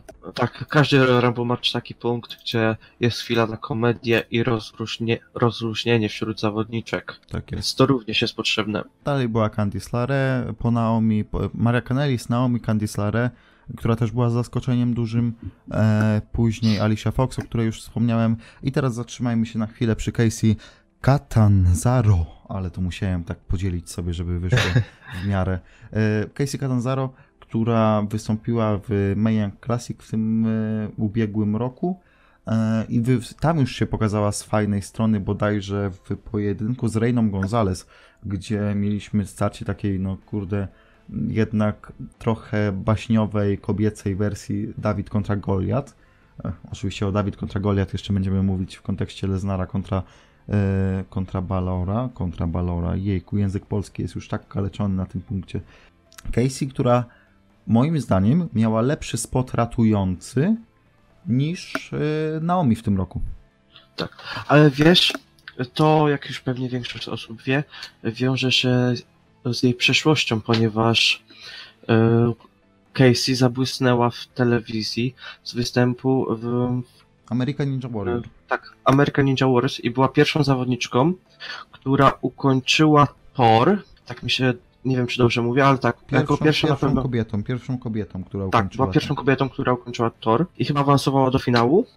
I z tego względu jest bardzo popularna w Ameryce oraz jest bardzo lubiana ze względu na jej osobowość i miły charakter. Z tego co pamiętam, to na początku 2018 roku zaczęła treningi i od razu e, przeniesiono ją do Performance Center, czyli należy podkreślić, że ma ze sobą za sobą dopiero około ponad rok doświadczenia. I wydaje się, że ma przyszłość przed sobą, jeśli będzie dalej pracować, ponieważ ma fenomenalne warunki, jest utalentowana, ma smykałkę do ringu, co można było już zauważyć. Jej atletyzm jest no już nie do podważenia, zresztą pokazała to. I jej popularność w Stanach Zjednoczonych może być jednym z tych aspektów, które doprowadzą do tego, że odniesie sukces, jeśli będzie ciężko pracowała i nic się jej nie stanie. Dlatego jej bardzo mocno kibicuję, ponieważ wydaje się być bardzo przyjazną i utalentowaną zawodniczką, dlatego również polecam do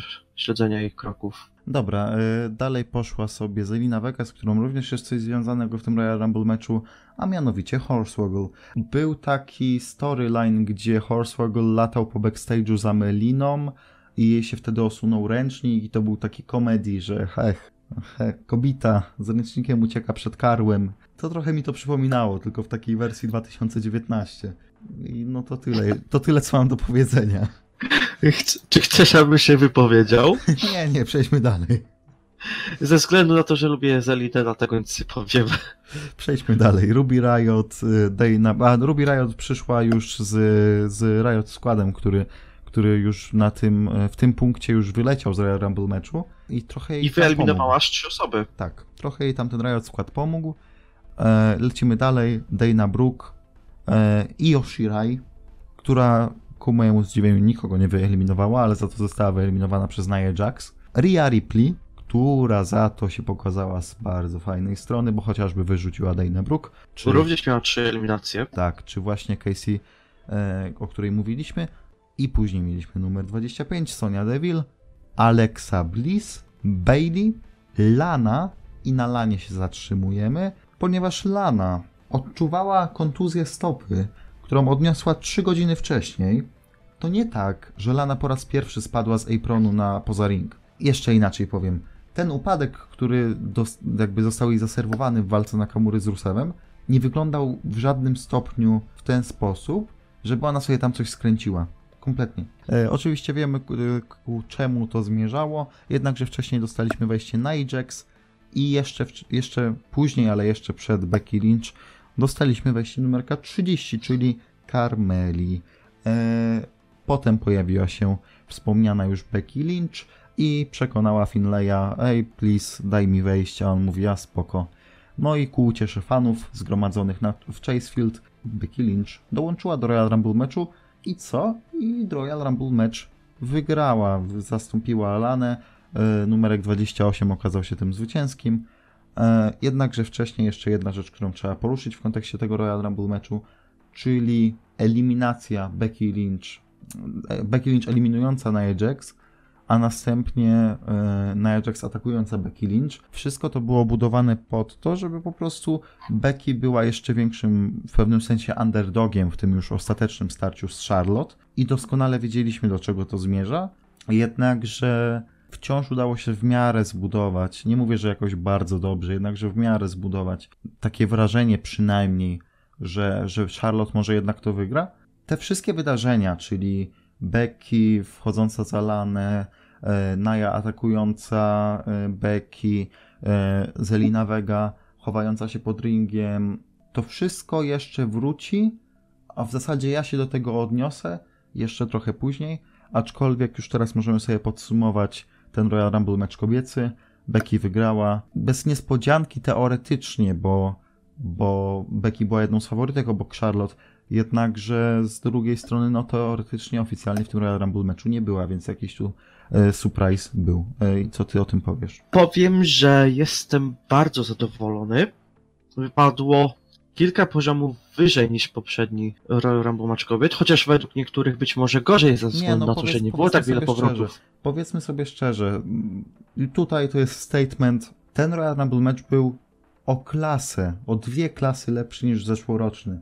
Z dwóch powodów. Nie dostaliśmy w ogóle żadnych powrotów, które w tamtym roku były po prostu jakąś plagą. Wrzucili kompletnie wszystko, co mieli i tylko trzy powroty naliczyłem z tamtego roku, które faktycznie miały sens, które coś wniosły. Beth Phoenix, która miała swój stare z Natalią, e, taki reunion swego rodzaju. Była również Michelle McCool, która po prostu jako ta z powracających pokazała się najlepiej w Royal Rumble meczu.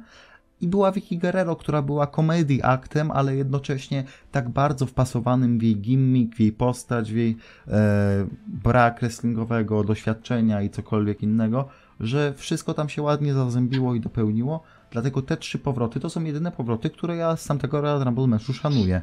Resztę, czyli pewnie, nie wiem, z 10, jest dla mnie do wyrzucenia, jest bez sensu. Tutaj nie dostaliśmy żadnego powrotu, dostaliśmy tylko gościnne występy z NXT i to jest zdecydowanie lepszy motyw, bo tutaj stawiamy na przyszłość, stawiamy na osoby, które mamy i chcemy je pokazać światu, a nie na osoby, które i tak będą kojarzone z erą Div, a w momencie, w którym mówimy o Women's Revolution, wrzucamy tam 13 babek, które y, są zawodniczkami o y, ring skillu pokroju Ewy Marie. Mówię tutaj o Kelly Kelly. No kurde, dobrze, możesz mówić, ja już się naprodukowałem. Wspomnę tylko tyle, że prosiłeś mnie, abym się wypowiedział, po czym powiedziałeś wszystko, co ja chciałem powiedzieć. Przepraszam, ale nerwy.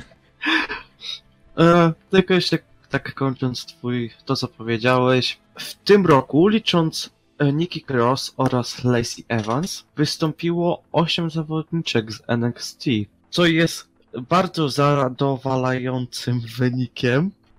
I wydaje mi się, że poprzedni Royal Rumble match był takim, mm, jakby to powiedzieć, nie obchodził kompletnie ich booking tego pojedynku, tylko wszystko włożyli w history making, czyli muszą być powroty, muszą być jakieś takie dziwne momenty. Dali po prostu, przepraszam, znowu ci przerwę, ale dali po prostu się ponieść, powiedzmy, nostalgii, że o, wróciła tutaj ta i ta. Tylko, że na nostalgii nie zbudujesz dobrej walki, tak. Nie zbudujesz dobrej walki, która ma wyłonić ci pretendentkę do mistrzostwa na najważniejszej gali roku. Całkowicie się zgadzam z tobą. W tym momencie w końcu zbudowali program błączkowiec w odpowiedni sposób. Było kilka staredownów, które miały sens i które mogą zrobić z tego jakieś story w przyszłości. Było kilka momentów, które były odniesieniem do storyline'ów, czyli na, nawet coś w stylu Naomi kontra Mandy Rose. To nie było tak, że to się wzięło nagle z dupy, ponieważ ona jest healem, a ona face'em. To było jakieś opowiedzenie historii. I to mi się najbardziej podobało w tym pojedynku. E, tak więc dlatego moja końcowa ocena to 3 i 3 czwarte. 3 i 3 czwarte mówisz, logika tego podcastu nakazałaby mi powiedzieć, że daję 3,5, ale ja lubię przełamywać logikę 3 i 3 czwarte również ode mnie. A teraz przechodzimy do męskiej części karty, w ten sposób to nazwijmy, bo e, główna karta do tej pory miała trzy pojedynki, e, gdzie były same kobiety, oprócz Shayna McMahona i Miza z Debar.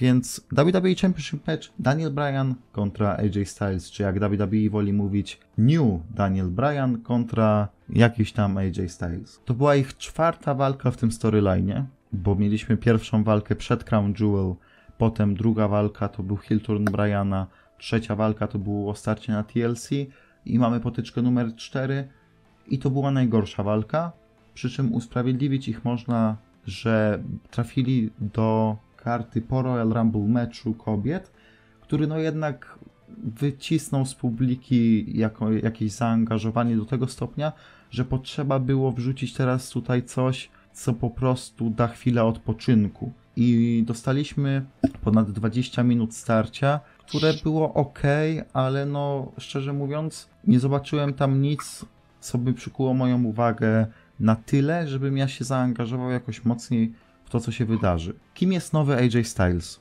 Kim jest ten AJ Styles, który niby miał być bardziej agresywny i gdzie zaprowadził nas storyline z Vince'em McMahonem? Ten storyline przez takie mm, skromne, skromne S, jakąś małą czcionką, bo po uderzeniu przez Stylesa McMahona nie wydarzyło się nic na dobrą sprawę. Styles tylko wygrał Fatal Five Way i to nie w jakimś niesamowitym stylu. Nic się nie wydarzyło, po prostu zasłużył sobie na rewanż. Więc po co to było? Nie rozumiem kompletnie tego, tego, co tam się wydarzyło. Nawet WWE trochę olało ten storyline w pewnym momencie, bo nie miałem wrażenia, jakby właśnie przede mną była budowana walka o najważniejszy tytuł na SmackDown nawet, a co dopiero teoretycznie z nazwy najważniejszy tytuł WWE. Końcówka, bo tutaj będzie pewnie najwięcej, najwięcej dyskusji. Mm, końcówka trochę była źle przeprowadzona. W sensie dziwnie to wyglądało, że Eric Rowan nagle wychodzi, potem stoi 3 minuty, czekamy na rev bumpa i... O, Eric Rowan atakuje Stylesa. Dwie rzeczy. Po pierwsze, to był już kolejny rev bump, rev bump w ich walkach, a po drugie, czysto logicznie rzecz biorąc, po co Brian oczekiwał albo załatwił sobie pomoc Rowana w momencie, w którym ostatnią walkę ich na TLC wygrał czysto. Więc nie mógł mieć, nie, nie powinien mieć żadnych obaw przed, przed podejściem do walki ze Stylesem na Royal Rumble. Tymczasem Eric Rowan pojawia się, Eric Rowan wraca i tak jak już zostało to powiedzmy obwieszczone w internecie, najprawdopodobniej z Danielem Bryanem stworzy Straight Vega Society, e, gdzie Daniel Bryan będzie CM Punkiem, a Eric Rowan będzie Luke'em Gallowsem. Ewentualnie jest to po prostu jakaś alternatywna rzeczywistość, w której Wyatt Family zmieniło się na na, na Brian Family i Brian po dołączeniu do Wyatt Family nigdy z niego nie odszedł, a teraz po prostu widać, kto tam pociągał za sznurki od, pier od pierwszego momentu. Czyli możemy się spodziewać, że w przeciągu kilku tygodni Brie Bella e, się ogoli na łyso. Albo, że Bray Wyatt przejdzie na weganizm, jak wróci. Wiesz co, wydaje mi się, że ten feud też nie podszedł publice i samemu W ze względu na to, że wszyscy, sama federacja i fani już się tak niespecjalnie, ale to już, to już samo z siebie wyszło. Przyjadliśmy się lekko AJ-em e, przy tytule. Nie dziwię się, że ludzie są tym zmęczeni, ponieważ AJ jest, był, był zbyt długo przy tytule i teraz powinien mieć jakiś feud z kompletnie kimś innym. To znaczy, ja ci powiem, z czego to może wynikać moim skromnym zdaniem, bo zauważyłem jeden pattern, jeden wzór, którym gdzieś tam posługują się e, możliwie bookerzy przy rozpisywaniu feudów dla Stylesa.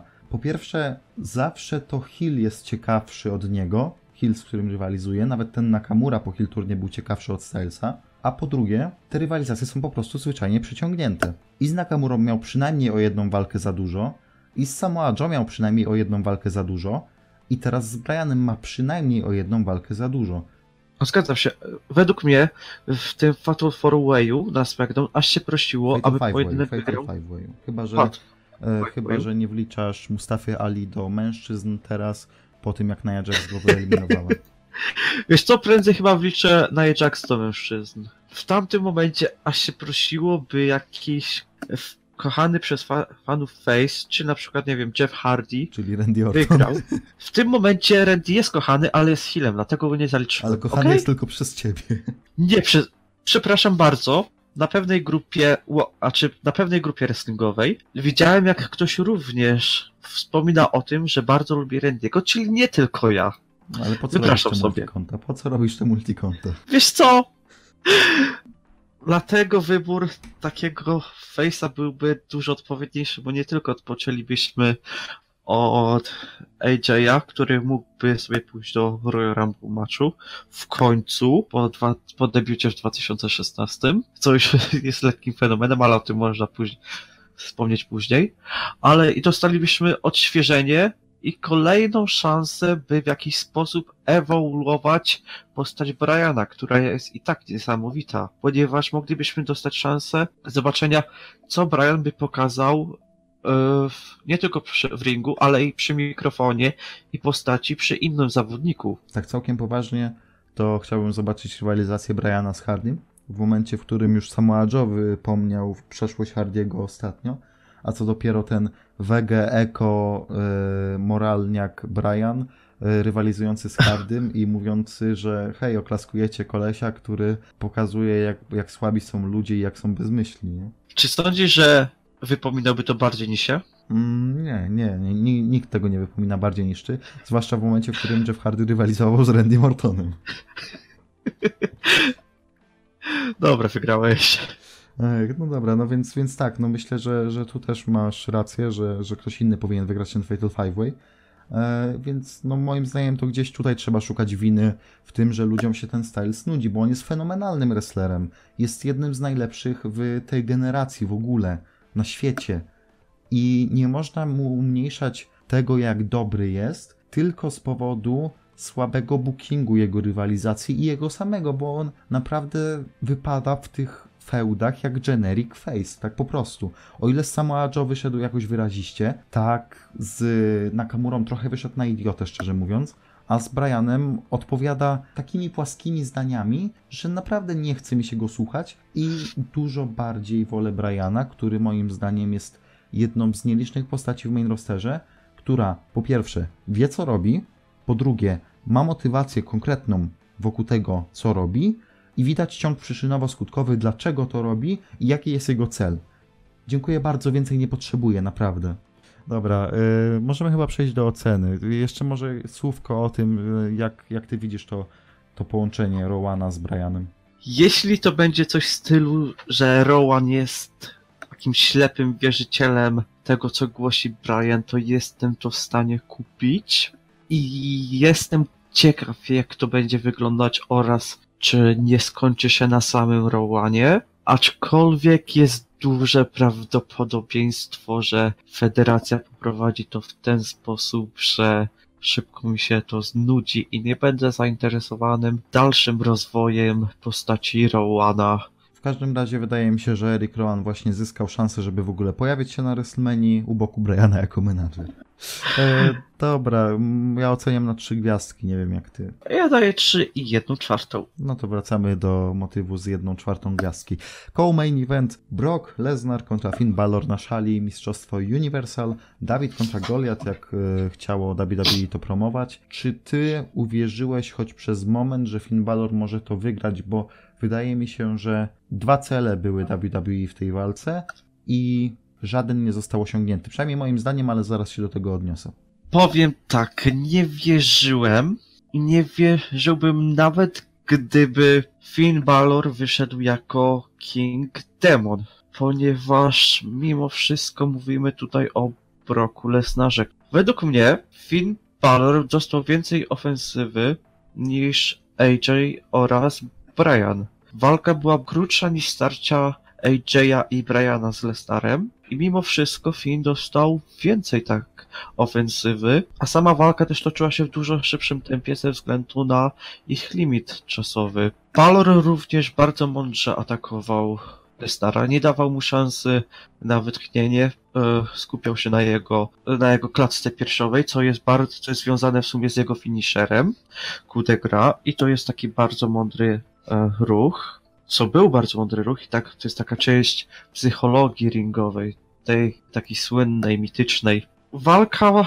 mogła być lepsza, gdyby dostali więcej czasu. Za- wydaje mi się, że zakończyli ją trochę za szybko i w taki bardzo w taki sposób, który sprawił, że to, co robił Balor przez całą walkę, straciło znaczenie, ponieważ i tak ludzie nie będą pamiętać za bardzo o tym, jaką miał przewagę na początku walki, lecz o tym, że po kilku minutach, 8 czy tam 9, może 10, po prostu odklepał po kilku sekundach. I to chyba tyle. Jeszcze tylko dodam, że jestem lekko zawiedziony, ponieważ W miało okazję, aby jeszcze bardziej umocnić Balora jako upper mid cardera, a jednocześnie nie wykorzystało tej szansy.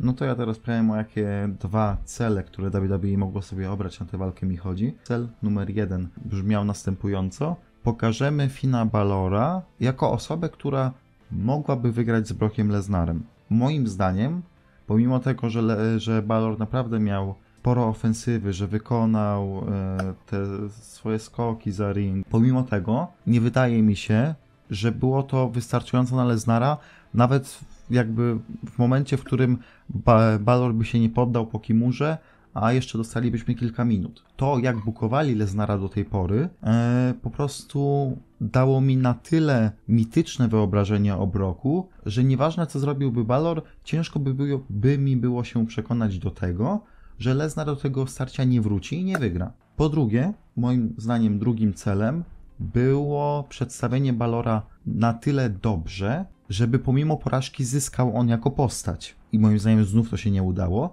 I tutaj odniosę się do tego, co powiedziałeś, czyli do poddania się po tej kimurze. Poddał się po zaledwie kilku minutach, poddał się też dość szybko i jasne, że tam Brock sprzedawał wyrazem twarzy i tymi wychodzącymi oczyma, że w, tam w, robi kurde to na 400% siły, ale mimo wszystko można było to zakończyć w inny sposób, może dać im trochę więcej czasu już ten Balor by jeszcze więcej zyskał. Moim zdaniem, pomimo tego, że w pewnym momencie nawet zdominował Lesnara, co się nie zdarza często albo i nawet wcale, to można było z tego wycisnąć naprawdę dużo, dużo, dużo więcej i dużo lepiej został pokazany Daniel Bryan na Survivor Series e, przeciwko Lesnarowi niż e, właśnie na Royal Rumble Balor. Stąd moim zdaniem żaden z dwóch celów, jaki obrało sobie WWE na, WWE na to starcie się nie udał. E, dobra, więc możemy przejść do ocen w sumie. Ile ty tam dajesz tej walce? Pewnie jedną czwartą więcej niż ja, no ale to, to... A ja dam tej walce tyle samo co Brianowi i Stylesowi, czyli trzy gwiazdki i jedna czwarta gwiazdki. No to drugi raz się chyba dzisiaj zgadzamy, też daję 3, jedną czwartą. I w ten magiczny sposób zakończyliśmy już prawie całą kartę Royal Rumble. Przechodzimy do dania głównego, wisienki na torcie, tego co tygryski lubią najbardziej i tego na co czekaliśmy przez cały weekend, czyli męskiego Royal Rumble meczu. I zaczęliśmy już z grubej rury, trzeba przyznać. Elias jako numer jeden był bardzo logiczny, bo jakby miał ten swój cały koncert i tak dalej, i tak dalej. Wcale to mnie nie zdziwiło, że właśnie to on rozpoczyna Royal Rumble match, ale numer dwa to już był jednak spory szoker. Jeff Jarrett, czyli ubiegłoroczny Hall of Famer, wchodzi z numerkiem drugim i rozpoczyna Royal Rumble match z Eliasem. Gimmikowo dość podobni, jeżeli chodzi o, o tych dwóch zawodników. Jednak, oh boy, oh boy. E, Elias atakuje gitarą Jareta i wyrzuca go po prostu. Nie zaśpiewali razem. E, w każdym razie było to już pierwsze zaskoczenie tego, tego wieczoru w kontekście Royal Rumble meczu męskiego. I wcale nie musieliśmy czekać długo na następne, bo numerkiem 3 był co prawda Shinsuke Nakamura, zwycięzca zeszłorocznego Rumble i nazwisko dość łatwe do przewidzenia w kontekście tego, że pojawi się Royal Rumble meczu, pomimo tego, że nie był wcześniej zapowiedziany, ale numer 4 to już Kurt Angle, również mówiło się, że się pojawi, ale na czterech zawodników mieliśmy już powiedzmy dwa powroty, co już było dość sporym e, osiągnięciem i dobrym wynikiem. Numer 5 Big E, no i numer 6 mamy trzecie zaskoczenie na sześciu zawodników. Zaczęliśmy więc z grubej rury. Johnny Gargano tutaj z kolei zachowywał się jak face, jeżeli mamy mówić o tych niuansach w postaci e, Gargano. Tutaj go odebrałem jako face'a. Dzień wcześniej jako bardziej jednak ciut heala. No to, to jest to, co mówiłem podczas omawiania tej walki z Ricochetem na tej cover.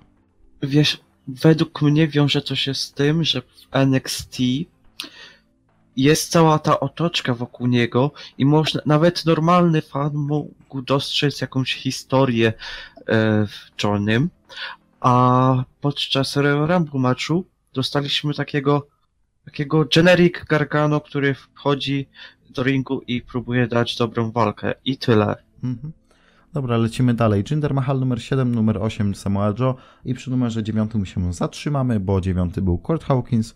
I ja już mówiłem o tym, że ja wrócę do chowania się pod ringiem, do ataku na y, późniejszego zwycięzcę i że wrócę jeszcze do e, przerywania, powiedzmy, do, do zmiany tego, co miało się wydarzyć w kontekście wejść. No i tutaj wracam po raz pierwszy do tego motywu, wracam do motywu chowania się pod ringiem, bowiem chował się Kurt Hawkins i on z kolei wyeliminował Titusa Onila, mm, który za to próbował wszelkimi środkami uniknąć blamażu, jakiego doznał w kwietniu podczas Greatest Royal Rumble.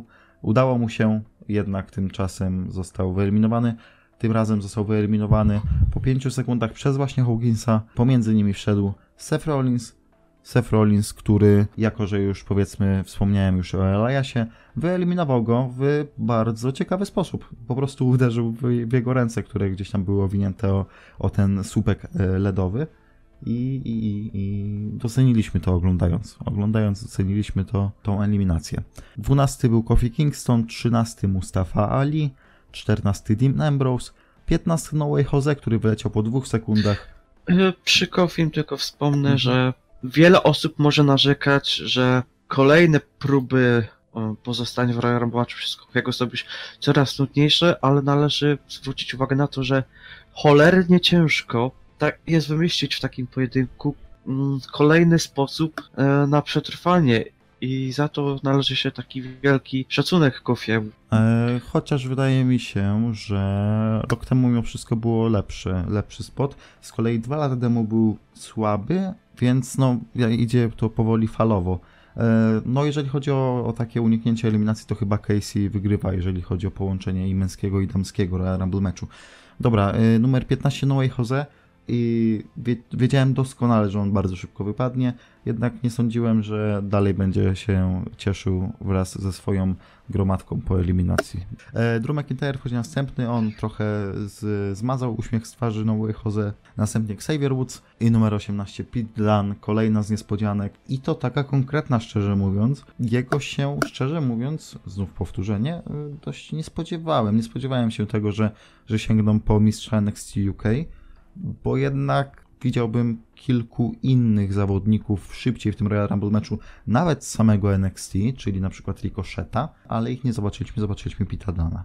19 Andrade, 20 Apollo Cruz, 21 Alistair Black, kolejna niespodzianka, 22 Shelton Benjamin, kolejna niespodzianka, że jeszcze ktoś o nim pamięta, 23 Baron Corbin, 24 Jeff Hardy, 25 Rey Mysterio, 26 Bobby Lashley i tu się zatrzymuje po raz kolejny, bo Bobby Lashley wypada po 13 sekundach, wyeliminowany przez Sefa Rollinsa i wracamy do motywu numer 2, który już zobaczyliśmy w Royal Rumble meczu kobiet, czyli Bobby Lashley zdenerwowany wyraźnie, że został wyeliminowany przez Sefa Rollinsa, wyciąga przez dolną linę Sefa Rollinsa i atakuje go niszcząc nim bodajże stół komentatorski. Czyli podobny motyw co Nia Jax atakująca Becky Lynch pod koniec y, Royal Rumble meczu kobiet. Numer 27 to jest Braun Strowman, 28 to jest Dolph Ziggler wracający po niemal miesiącu absencji. Co za niespodzianka, drugi rok z rzędu. Brzmi znajomo? Tak, co, ale przynajmniej w tym roku dość, y, dużo, dużo dłużej posiedział w tym Royal Rumble meczu po tym powrocie. Tak.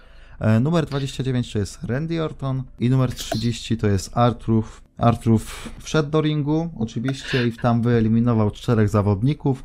Gdy już ich wyeliminował, to został sam z, mm, z, z Sefem Rollinsem. No i Seth Rollins jakimś cudem udało mu się wygrać Royal Rumble match.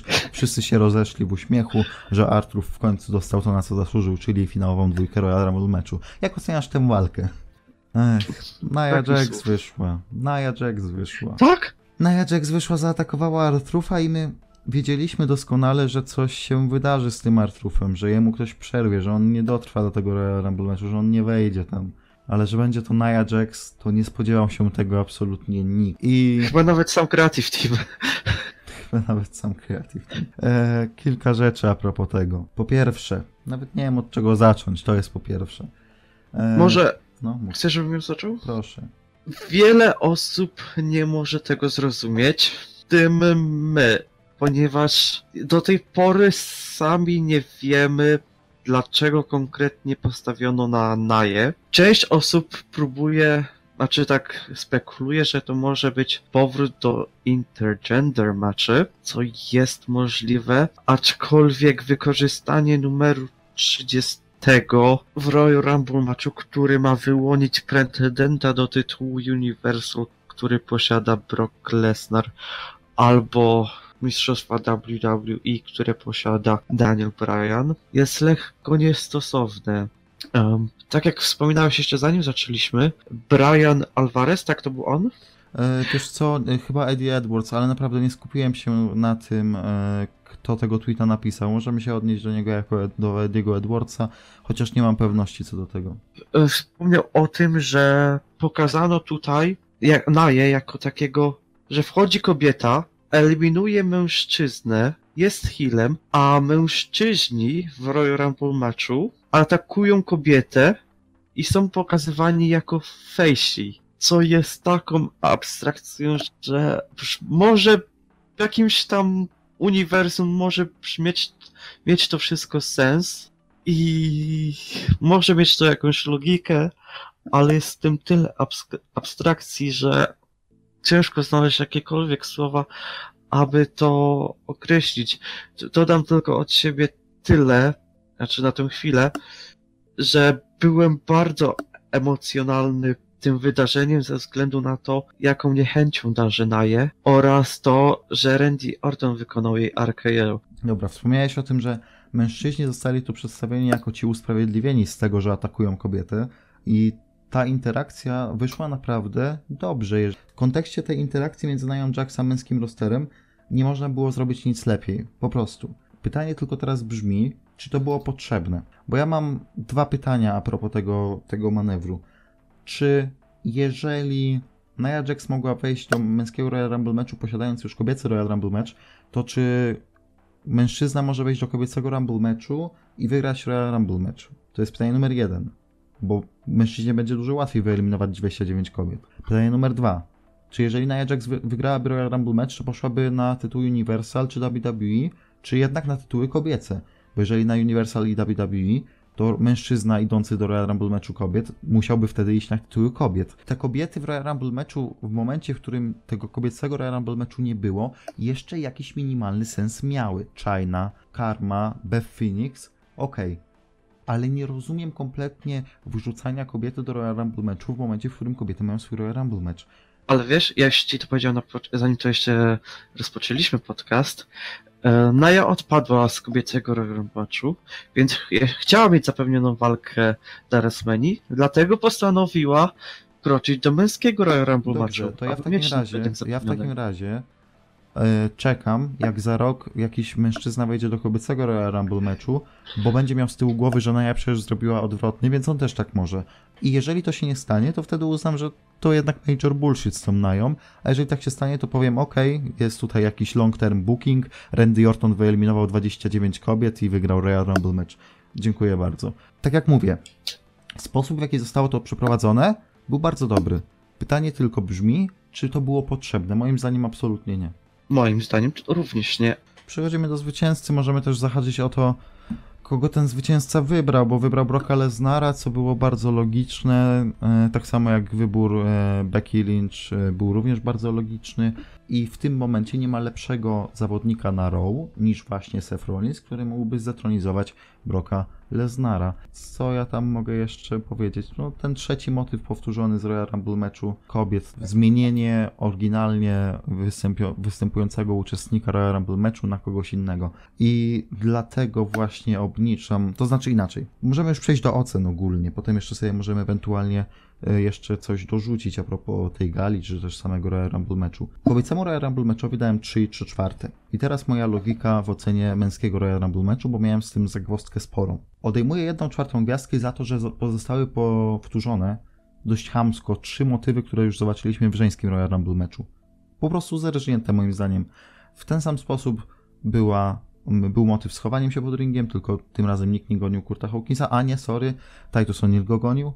E, motyw numer dwa, wyrzucenie mm, zawodnika, mm, albo inaczej, atak osoby wyeliminowanej na osobę, która w Royal Rumble meczu jeszcze jest, motyw numer dwa.